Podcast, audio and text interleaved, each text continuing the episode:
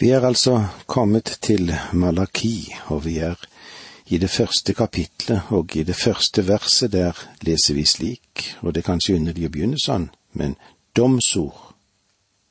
Det er Herrens ord til Israel ved Malaki.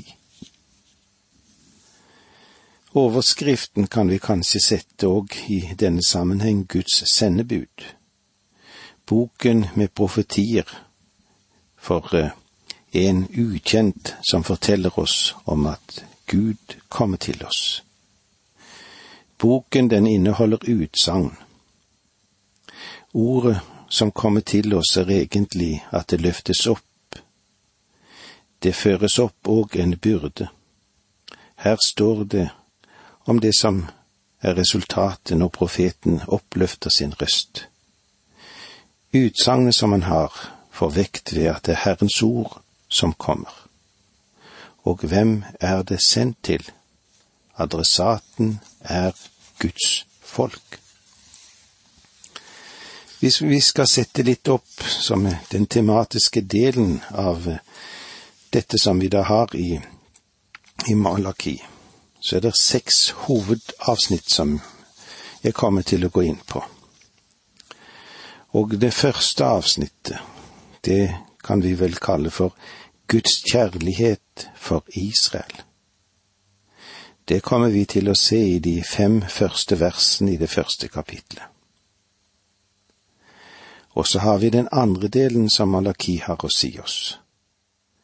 Prestene irettesettes for verslighet. Det ser vi fra det sjette verset i det første kapitlet til det niende verset i det andre kapitlet. Og går vi så videre til det tredje hovedpunkt som vi vil stoppe opp for, så ser vi det i kapittel to, versene ti til 17. Folket refses for sosiale synder. Og så, når vi da kommer til kapittel tre, vers én til seks, forutsigelse angående to budbærere. Og det femte punktet som Malaki har å si oss, finner vi i kapittel tre, vers syv til atten. Folket irettesettes for religiøse synder. Og det sjette, som er eh, de finner vi i det fjerde kapitlet. Profetier angående Herrens dag og rettferdighetens sol som innvarsler den. Altså, i kapittel én så kommer Malaki til å konsentrere seg om de samme problemene som Nehemja tok hånd om. Og det forteller at Malaki talte inn i den samme situasjonen. Det første problemet vil være utvanningen av presterollen. Det andre dreier seg om deres ekteskap med kvinner fra fremmede folkeslag. Og så kommer da skilsmissen fra deres israelittiske hustruer. Tro meg. Gud slår hardt ned når det gjelder denne saken. Det er mange som ber om å ta opp spørsmål om skilsmisse. Vel, jeg tar det opp når det forekommer i Guds ord og Gud vil tale om skilsmisse i Malaki-profetboken. Det tredje problemet var at Israels folke neglisjerte tienden og ofringen til Guds sak. Du kan være sikker på at du vil ikke like det Gud har å si om dem som vil forestille seg som andre mennesker angående givertjenesten som de hadde inngått en avtale med til Herren. Guds kjærlighet til Israel. Vi leser igjen det første verset i kapittel én. Domsord. Dette er Herrens ord til Israel ved Malaki. Malaki betyr budbærer, som vi har sagt, og vi kommer til å gjenta det flere ganger. Han er Herrens, i Herrens budtjeneste, og han bringer Guds siste nyheter til israelsfolket. domsord. Dette er Herrens ord til Israel. Dette dreier seg om en dom fra Gud og vil være både sterk, og den vil være med rystende anklager fra Guds side mot sitt folk. Noe som vi må merke oss, og som allerede er sagt, er at Malaki vender seg til Israel, det vil si til de tolv stammene. Dette er altså et budskap som hele Israel skal motta, til alle tolv stammene i folket. Her er det ingen tapte stammer. Her er det bare en liten rest fra hver av stammene som var vendt tilbake til landet. Og det var meget få fra hver stamme. Men Gud henvendte seg til dem, og jeg tror at Malakis budskap spredte seg fra dem til de andre som ikke hadde vendt tilbake. Nehemjas bok forteller at det var kommunikasjon mellom de som dro tilbake, og de som ble værende igjen i Babylon. De var budbærere. De var reisende, som dro fram og tilbake fra der de hadde vært i fangenskap, der de var blitt holdt i slaveri, og ble tilbake i Israel. Men det er verdt å merke seg at budskapet dreier seg om Guds hilsen til samtlige stammer. Vi leser versene to og tre. Jeg har dere kjær, sier Herren. Men dere spør, hvordan har du vist at du har oss kjær? Var ikke Esau Jakobs bror, lyder ordet fra Herren. Likevel hadde jeg Jakob kjær, men Esau hadde jeg uvilje mot. Jeg gjorde hans fjell til en ørken, hans arveland til en villmark for sjakaler. Malakis budskap startet med dette veldige håndslag til folket. Jeg har dere kjær, sier Herren. Er ikke det helt fantastisk å begynne med noe slik? Jeg har dere kjær. Hvordan tror du nå at dette folket kommer til å svare på den utstrakte hånd? Husk at de har vendt tilbake til landet, og selv om det var mye motløshet på Nehemja sin tid, fordi murene rundt Jerusalem ikke var gjenreist. Så er det likevel tegn på velstand. Og så tar de opp igjen sin tilbedelse. I alle fall når vi ser dette ytre sett. Og det gjenoppbygde tempelet. De holder fast ved ritualene, og på overflaten så kan det se ganske bra ut men dette er sarkaistisk, det er tåpelig, og det er blasert. Ja, slik er disse folkene. Og så sier Gud allikevel til dem, Jeg har elsket dere. Og lytt nå til dem. Men dere spør, hvordan har du vist at du har oss kjær? Kan du forestille deg at dette folket hadde nerver til å tale til Gud på denne måten? De sier, På hvilken måte har du elsket oss? Og jeg føler meg sikker på at det er mange i den kristne menighet rundt omkring i landet som ville stille de samme spørsmålene og si, Se det som hender med oss i dag. Med det som bakgrunn hvordan kan vi da si at Gud elsker oss? Vel, Gud gjorde det helt klart for Israel, helt ifra begynnelsen av, at han elsket dem. Og med dette må vi si takk for nå, må Gud være med deg. Dette undervisningsprogrammet består av to deler. Åge Nevland fortsetter nå med andre del av dagens undervisning. Vi er i profeten Malaki. Vi er i det første kapittelet der, og vi ser hvordan Guds kjærlighet til Israels folk er, til Israel. Og i de versene to og tre i dette første kapittelet leser vi slik. Jeg har dere kjær, sier Herren, men dere spør, hvordan har du vist at du har oss kjær? Var ikke Esau Jakobs bror, lyder ordet fra Herren. Likevel hadde jeg Jakob kjær, men Esau hadde jeg uvilje mot. Jeg gjorde hans fjell til en ørken, hans arveland til en villmark for sjakaler. Denne formen som vi leser om her, denne jeg leser her, den er typisk for Malakiboken. Fremstillingen, den har en form for dialog. Samtale. I en tid som var sterkt preget av rasjonalisme.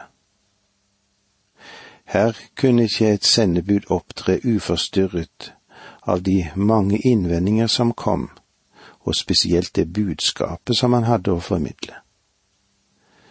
Formen, den er sikkert valgt som et bevisst middel for å få fram hva Gud har å si, hva Guds tale er. Men det gjenspeiler vel også den aktuelle situasjonen som var ved forkynnelsen. At Gud skulle ha utvalgt Israel og gitt det sin kjærlighet, det var vanskelig å fatte og forstå for folket. De så først og fremst den vanskjebnen som de var kommet inn i. Noe av det profeten vil vise med sine utsagn, er at de tar feil. Et av bevisene finner han ved å ta utgangspunkt i de begivenhetene som folket kjente til skal vi si, broderfolket Edom, som hadde Esau som sin stamfar. Har nettopp mistet det landet de hadde, ved et angrep av nabatanerne. Er tilstand dårlig i Israel, ja, så er den enda verre i Edom. Det hadde vært naturlig om dette broderfolket hadde delt skjebne med hverandre men Israel ble spart. Forholdet som var mellom Edom og Israel, det var dårlig. Ikke minst var det vanskelig for Israels folk å tilgi broderfolket, som ikke hadde kommet Jerusalem til hjelp ved overfallet fra babylonerne. Tvert imot hadde de kanskje deltatt og vært med i selve plyndringen av byen. For Israel sto Edom som symbolet på troløshet og symbolet på det som var grusomt. Den dom som hadde rammet Edom, den var ikke tilfeldig.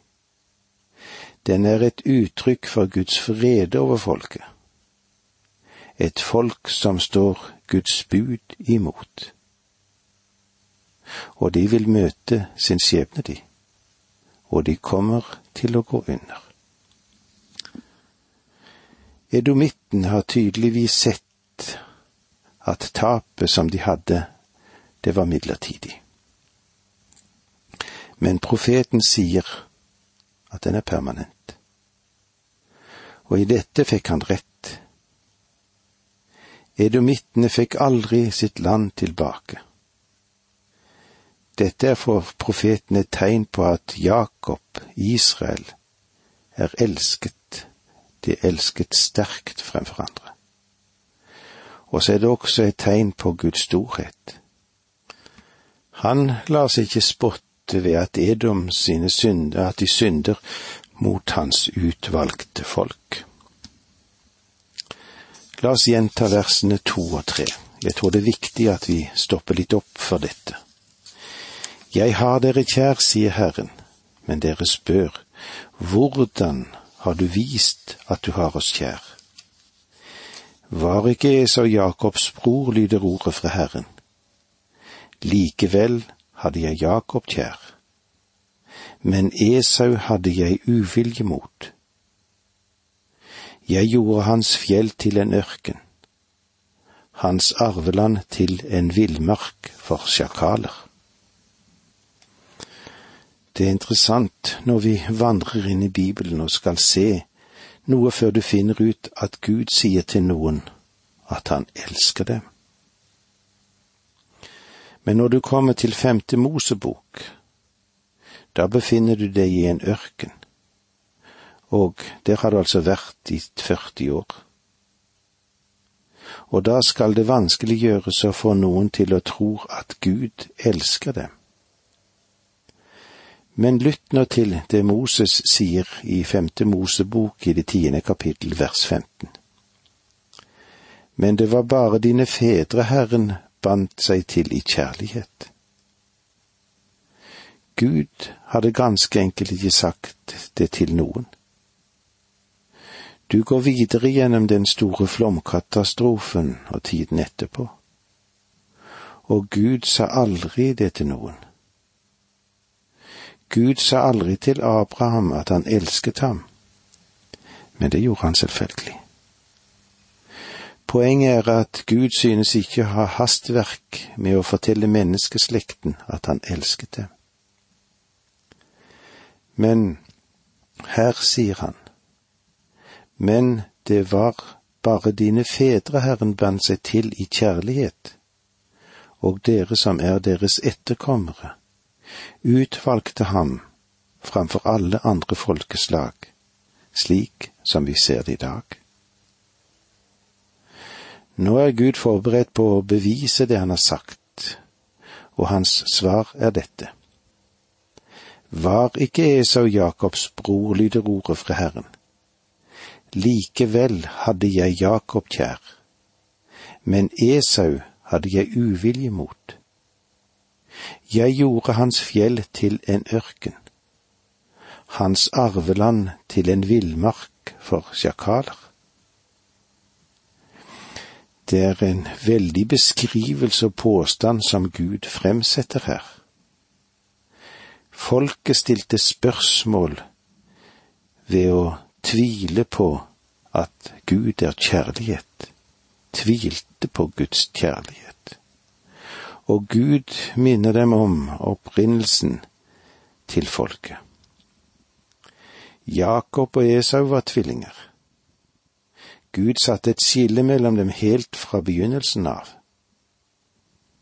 Det ser vi i første Mosebok 25, versene 22 og 23. Men da fostrene støtte til hverandre i hennes liv, sa hun, er det slik Hvorfor har da dette hendt meg? Og hun gikk for å søke råd hos Herren. Herren sa til henne, To folkeslag er det i ditt liv. To folk skal skilles, helt fra mors liv av. Den ene blir sterkere enn den andre. Den eldste skal tjene den yngste. Men det gikk altså mer enn 1500 år før han understreket det han gjør ved å si det at han elsket Jakob. Og dette gir oss et problem. Hvorfor skulle Gud si at han elsket Jakob og hadde uvilje mot Esau? En student tok opp dette spørsmålet som dr. Thomas hadde, og stilte følgende spørsmål. Han sa, Jeg har et problem. Hvorfor sier Gud at han hadde uvilje mot Esau? Vel, jeg har også et problem med det verset, svarte dr. Thomas. Men mitt problem er hvorfor Gud sa at han elsket Jakob. Det er det som er det virkelige problemet. Det virkelige problemet her er hvorfor Gud ville si at han elsket dette folket. La oss være klar over én ting. Gud sa aldri dette før Jakob og Esau var blitt to betydelige nasjoner med en lang historie bak seg. Derfor sa Gud at han elsket Jakob fordi han visste hva som var i Jakobs hjerte. Han visste at her hadde han med en mann å gjøre som lengtet etter Gud, og at Esau, han lengtet ikke i det hele tatt. Men denne forutsetningen måtte finne sin praktiske konsekvenser gjennom 1500 års historie, før Gud var beredt til å gi til kjenne denne oppfatningen her som vi har det hos Malaki. Og vi må forstå at forskjellen her mellom å elske og det å ha uvilje mot skyldes ganske enkelt det nasjonale liv som kom fra Esau, som er Edom. Og det livet for et folk som kom fra Jakob, som er Israel. De demonstrerte at Gud hadde rett da han sa at han elsket den ene og hadde uvilje mot den andre. Og med disse ordene må vi si takk for nå, må Gud være med deg.